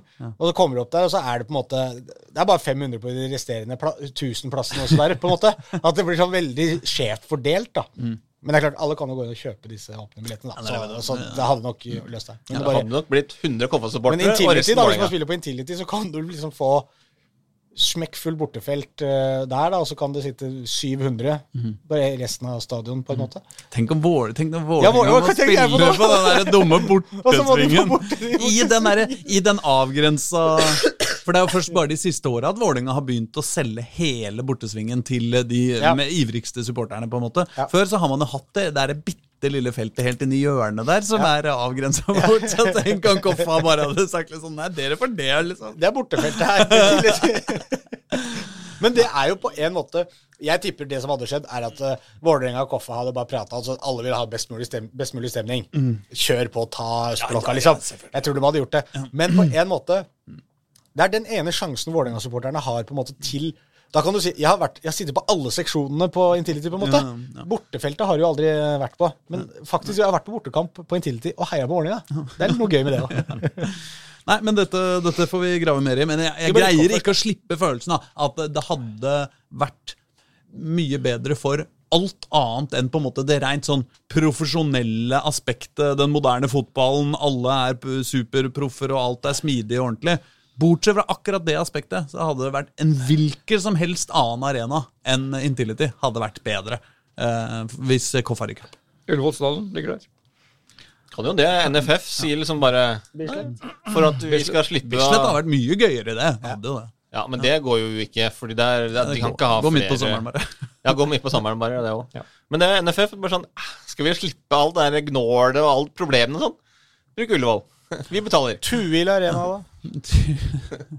Oppe i Tromsdalen. Men hvis Koffa rykker opp og Skei rykker er ned, bedre, jeg. Koffa rykker opp og Skei rykker ned, så er det jo blankt i Obos-ligaen neste år. Ja, hvis ikke Lyn hvis rykker opp, ikke- Hvis ikke Lyn kommer opp. Så da må vi gå til Skei, da. Vi fulgte jo dem ned i andre divisjon. Ja, det da- gjorde vi for da var jo det avklart. Ja, Da ble det endelig eh, spikeren Ja, samtidig som KFUM eh, føltes ut som nesten tok steget inn i Eliteserien, så tok eh, Skeid eh, definitivt steget ut av første Så da ble dere veddemålet om dere avklart, kanskje? Det er avklart. Ja. Snakke Hva, Det hvor mye vinner jeg? Hva får jeg? Det ble også avklart. Nei, det var vel heder og ære og noe cred, kanskje. Men ja. det veddemålet kan jo eh, gjenopplives til neste år, da. Det kan. Hvem havner eh, øverst? Uh, Skeid Det var det jeg i andredivisjon eller Du tenkte, nest, du tenkte alltid Ja. fremover, da. Ja, Fotball er ikke ferskvare, vet du, som noen sier. Fremover Fotball er historie, det. Nei, men eh, ja, hvordan var eh, altså, Nei, jeg veit jo hvordan det var. Det var trist, og det var nedtur, og det var tafatt, sikkert. Nei, det var ikke egentlig det. Var det ikke det? Nei, altså det Altså, det er jo en resignasjon der, selvfølgelig. Som alle visste jo at det her blir nedrykk. Men eh, kampen mot, uh, mot Brønnøy, Altså, den var ikke like bra som, som kampen mot Kongsvinger, som jo faktisk var ganske bra. Men, men det, det er mye av det samme, liksom. Altså, Skeid helt uh, fullt på høyde. Altså, skal sies at Mjøndalen også er et bunnlag, eh, men eh, fullt på høyde med Mjøndalen skapte en god del, eller iallfall nok sjanser. Greier jo ikke utnytte sjansene sine. Mjøndalen får et, får et mål, og så kommer de ut etter pause der, som jo er det som egentlig avgjør kampen. Det var jo det, det blir jo en sånn situasjon med eh, en overlap, og så blir det et innlegg fra helt, nesten død vinkel, som jo først går i stolpen, og så går det via eh, hofteparti, litt sånn rygg, til, eh, til Simen Hvithun Nilsen, da, som er sidekeeper. Mm. Eh, detter ned på streken, og der er jo da Mathias Bringaker den som, som reagerer raskest, og tupper den i mål. Eh, og da er det liksom etter en omgang, eh, første gang, som var relativt jevn. Mjøndalen hadde jo mye ball, men, men Skeid var jo farlig frampå igjen med, med spesielt Noah Williams, som jo skaper mye furore med, med, med fart og, og litt sånne ting. Så var det liksom Greier ikke skape all verden, men, men det var en helt jevn kamp. Så får, får Mjøndalen et tidlig målet etter, etter pause, og da, da var det egentlig over. Og du så gjerne, ja, spesielt på slutten der, at det Skeispillerne hadde nok litt resignert og, og visste at liksom, her må vi skåre tre mål for at det ikke skulle bli nedrykk. Og da skjønte jeg at det, det kommer ikke til å gå. Eh, og det, det gjorde du heller ikke, eh, selvfølgelig. Det, det, det, det, er, det er det samme som har vært tidligere i år. Altså, Skeid er rett og slett ikke gode nok. Altså Kvaliteten på spillerne og kvaliteten på, på det laget der er ikke, er ikke bra nok. Eh, og så må jeg jo si at Greit nok at de, de, de må jo De måtte jo prøve på et eller annet når de, når de kvitta seg med, med Gard Holme og, og gjorde det. Men, men et, det som, som de har fått til med, med Arne Erlandsen etter at han tok over, det har vært eh, ja, nesten nitrist. Fordi det, det har ikke vært Det har vært, det har vært null, det har vært ingenting. Det, det, altså det, det ser nesten ikke ut som de har prøvd på noe heller. Fordi det har liksom ikke vært noe utvikling i spillet. Det har ikke vært noe forsøk på en sånn Hail Mary. Har, vi, vi, vi kaster keeperen i angrep. Altså, altså, det har liksom ikke vært Vi, vi prøver liksom å ja, vi utvikler spillere, og vi prøver liksom på den samme måten som vi har prøvd hele år, som ikke har vært bra nok. Men på den andre sida så kan du jo si at uh, fordelen med Skeid er at uh, de uh, Skeid har vært rundt kvartalet et par ganger før. Så de veit at uh, i Skeid burde man vite at man, det hender man rykker ned her i livet. Og så Ja, kan man rykke opp igjen. det er ikke noe igjen, og så krise går for vi Skeid å, å rykke ned. Også. Det er som Daniel Holmeide Strand støtte meg for det er et par år siden. Da de rykket opp. Vi er jo egentlig et andredivisjonslag, altså hele klubben. Men, så det er, ikke noe, det er ikke noe krise, nei. Ikke noe, men det er klart det er litt større, det er litt større økonomisk forskjell nå mellom uh, først Obos-liga og andredivisjon enn det var før. Og det er jo der, der også litt sånn som vi, dere vi snakka om i stad med, eh, med det nye byrådet. For Skeid driver jo også, og, og det, er kanskje det der Skeid har brukt eh, opprykket eh, til, til Obos-ligaen de to siste årene, å utvikle eh, selve laget Skeid. Eh, altså klubben. Altså både med Altså de har gjort tatt enorme, enorme steg der, og nå med det nye byrådet så er det jo gode muligheter kanskje at de kan få til den, eh, den avtalen med, med Oslo kommune, slik at de kan da få bygd seg en nytt klubbhus, eh, selge eh, deler av det til, til Obos, som skal bygge leiligheter. Sammen med at eh, da Skeid får et nytt klubbhus, så har de jo da endelig fått orden på eh, Nordre Åsen 1. De driver jo og bygger selv Nordre Åsen 2 for, eh, for egen eh, vinning, holdt jeg på å si. Og da, altså, da har du plutselig et nesten splitter nytt idrettsanlegg eh, på Nordre Åsen. Og da er det eneste som, som gjenstår der, er da nesten lysanlegget. Og så kan jo faktisk det være en ordentlig arena som du faktisk kan spille på hele året. Altså, det var jo en av de morsomste tinga som skjedde i valgkampen, da, da Skeid rykka ut og oppfordra sine støttespillere til å stemme Høyre, nesten. Eh, Ja, ja. eh, I ca. to timer, før de helt åpenbart fikk voksenkjeft av en eller annen. eh, og, og rykka ut og også oppfordra de til å stemme Arbeiderpartiet. Det, altså, eh, nå skal jo denne Daniel Holmeide Strand er strategisk nok til å vite eh, hvilke konsekvenser det ville gi. Så eh, alle de, altså det som han sa til oss også når vi lagde sak på det, og det som, som er den offisielle forklaringen Altså Om det er eh, Det kan jo være så, men, men han er strategisk nok til å vite at en liten en der, så kan de få noe, få noe tilbake igjen. Så Det er eh, Altså, ja. Nei, eh, Oslo idrettskrets har jo vært også uh, nokså uh, trofaste støttespillere for, eh, for Høyre i, eh, i, i eh, årets valgkamp. Og jeg tror også, hvis du ser på de som da har holdt til på, på, på Ekeberg, og mange da, idrettsfolk, at eh, denne SV, tidligere SV-byråden som leda eh, der, Omar eh, Sami Gamal, kanskje ikke har vært den som har stått høyeste kurs hos eh, de som driver med, med idrett, eh, og i hvert fall anleggssituasjonen da, i, i byen. Er du på Koffa nå, eller på Bekkelaget? og- Alle, egentlig, Ja, som ja, drevet nei, med idrett de, i Jeg føler at de, de er jo ikke nødvendigvis på lag Koffa og Bekkelaget akkurat oppi de der greiene der heller. Heller ikke Men- Kringsjå, hvor de da fortsatt venter på at Lyn skal få flytta hjem. Fikk Som ikke han skulle- Omar mye kjeft på det Hasleløren-ishallen når det liksom skulle være sånn gladnyhet, vi skal bygge nye Lørenhallen. Så var det bare Ja, det er jo kje men hvor faen skal vi spille da? Fram til den Ja, ja, ja, ja, ja, Og da sto han der liksom direktesendt på en eller annen hockeysending i TV 2 og Nei, det altså De, de, de, de spill, spill, finner vel et annet sted å spille, Vi har gjør jo masse man ikke det? ishaller. Masse isflater vi i Oslo, det. Ikke det, på det. Nei, men dere, Men nå må vi komme oss videre. Vi skal vi det her? Ja, altså, vi har jo snakka i en, lenge, så vi må være ferdig. Men eh, hvis da Obos-ligaen blir tomt for Oslo-lag, så er det jo da Lyn vi satser på. Og de spilte da 0-0 mot Ørn Horten på, på lørdag. Jeg så da den kampen. De, det var masse frustrasjon i Lyn-miljøet for at de klarte å legge den samtidig som semifinalen mellom Vålerenga og Lyn på Intility. For publikum som møtte på Intility var jo mens- mm, ja, det var jo så, eh, Litt trist, ja. kan man si. Mens det var over 200 Lyn-supportere i Horten, som da gjerne ville vært på Intility også. Men det var vanskelig. Men de fikk da se en 0-0-kamp hvor Lyn var heldige at de ikke tapte, faktisk. Og Alexander Pedersen var vel deres viktigste og beste, beste spiller, keeperen.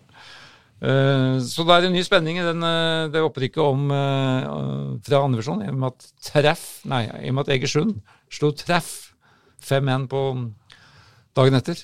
Så da gikk jo dem eh, tre poeng foran, og gikk vel også foran på målforskjell. Ja, det er vel Så eh, fem, de fem mål mellom, er det ikke det nå? Tror jeg, Ja. tror jeg de har pluss seks og eh, Så- Altså, ja, det er seks mål foran. Så hvis Lyn vinner sin hengekamp, så er det da likt mellom de to.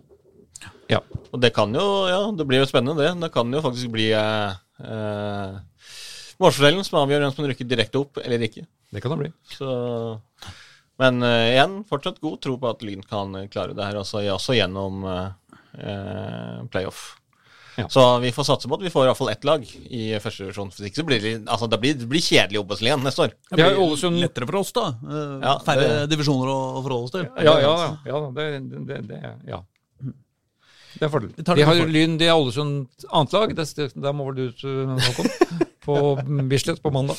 Er det det, ja? Det er neste match. Jeg det- tror, det skal jeg ikke det, Nei, nei, det husker jeg ikke nå. Nei, Du tar jeg. Vi tar redaksjonsmøte etter podden. Grorud, Vard, Haugesund. Vard eh, blir jo da Cupfinalistene fra 75. Cupfinalistene fra 75, ja. De var jo selvfølgelig i Oslo igjen. De er jo alltid i Oslo.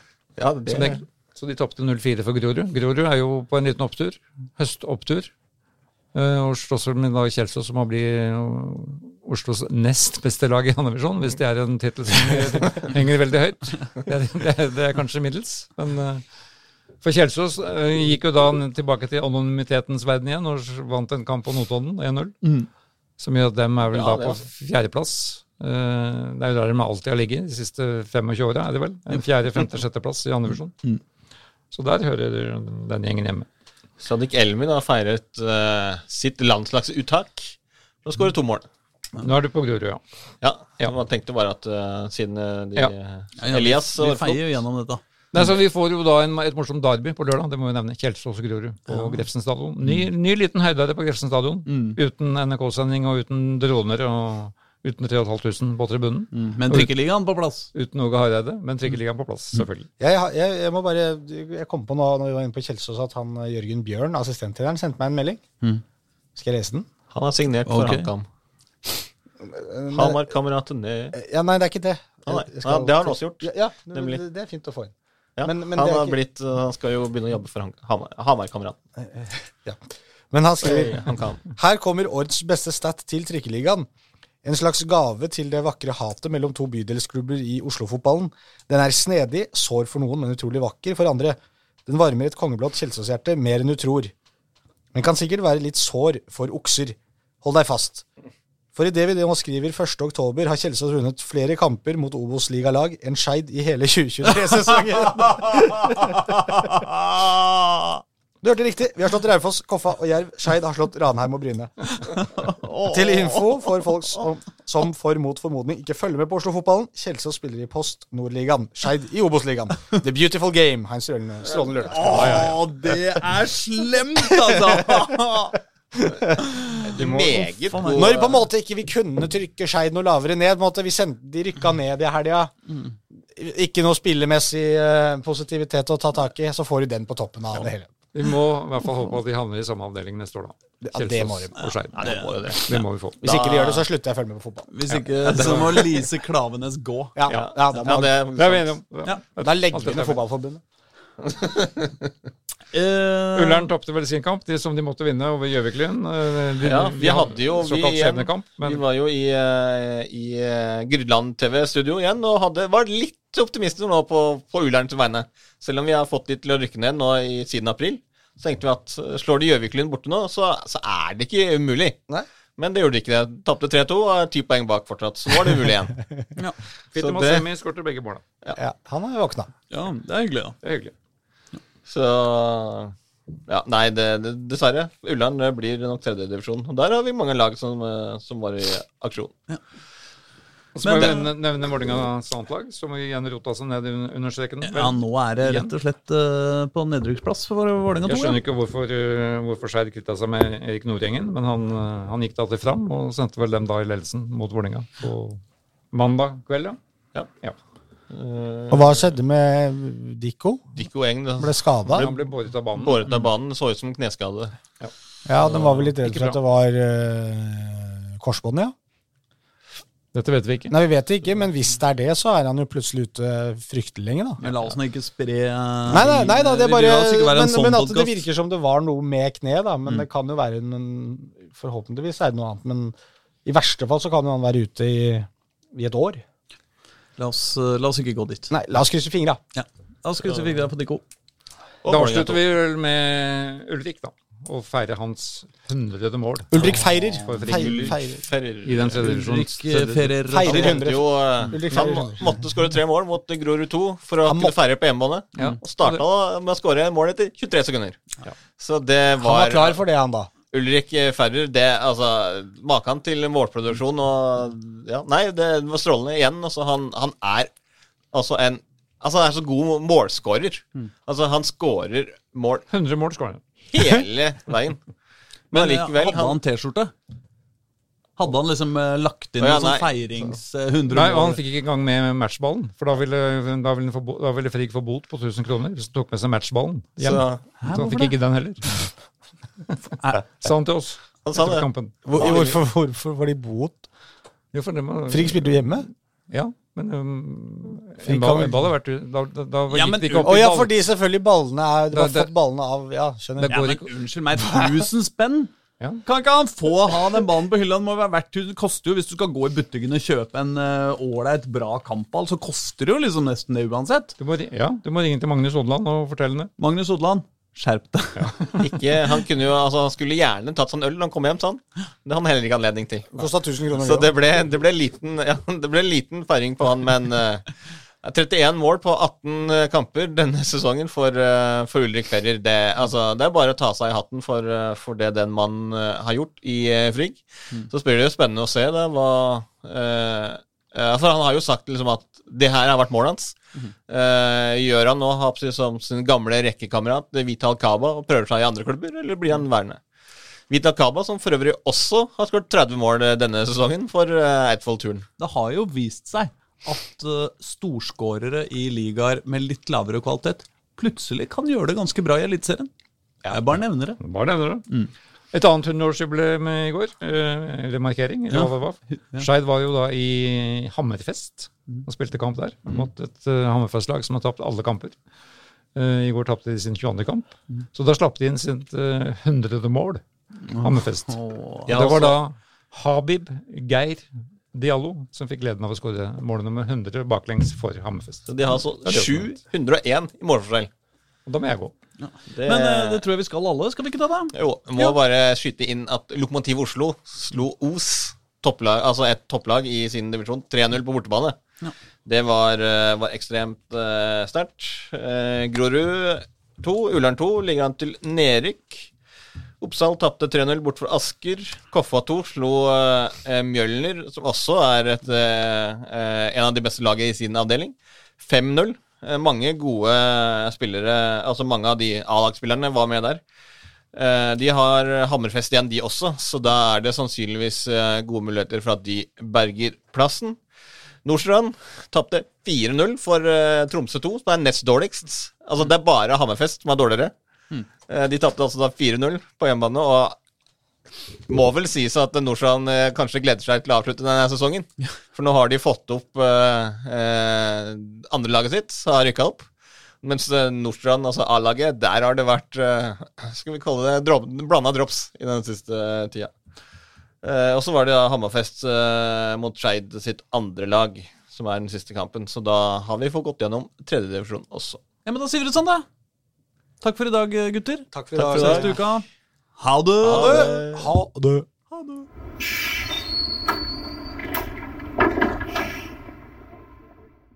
Du har hørt en podkast fra Dagsavisen. Ansvarlig redaktør heter Andreas Heen Haaland Karlsen.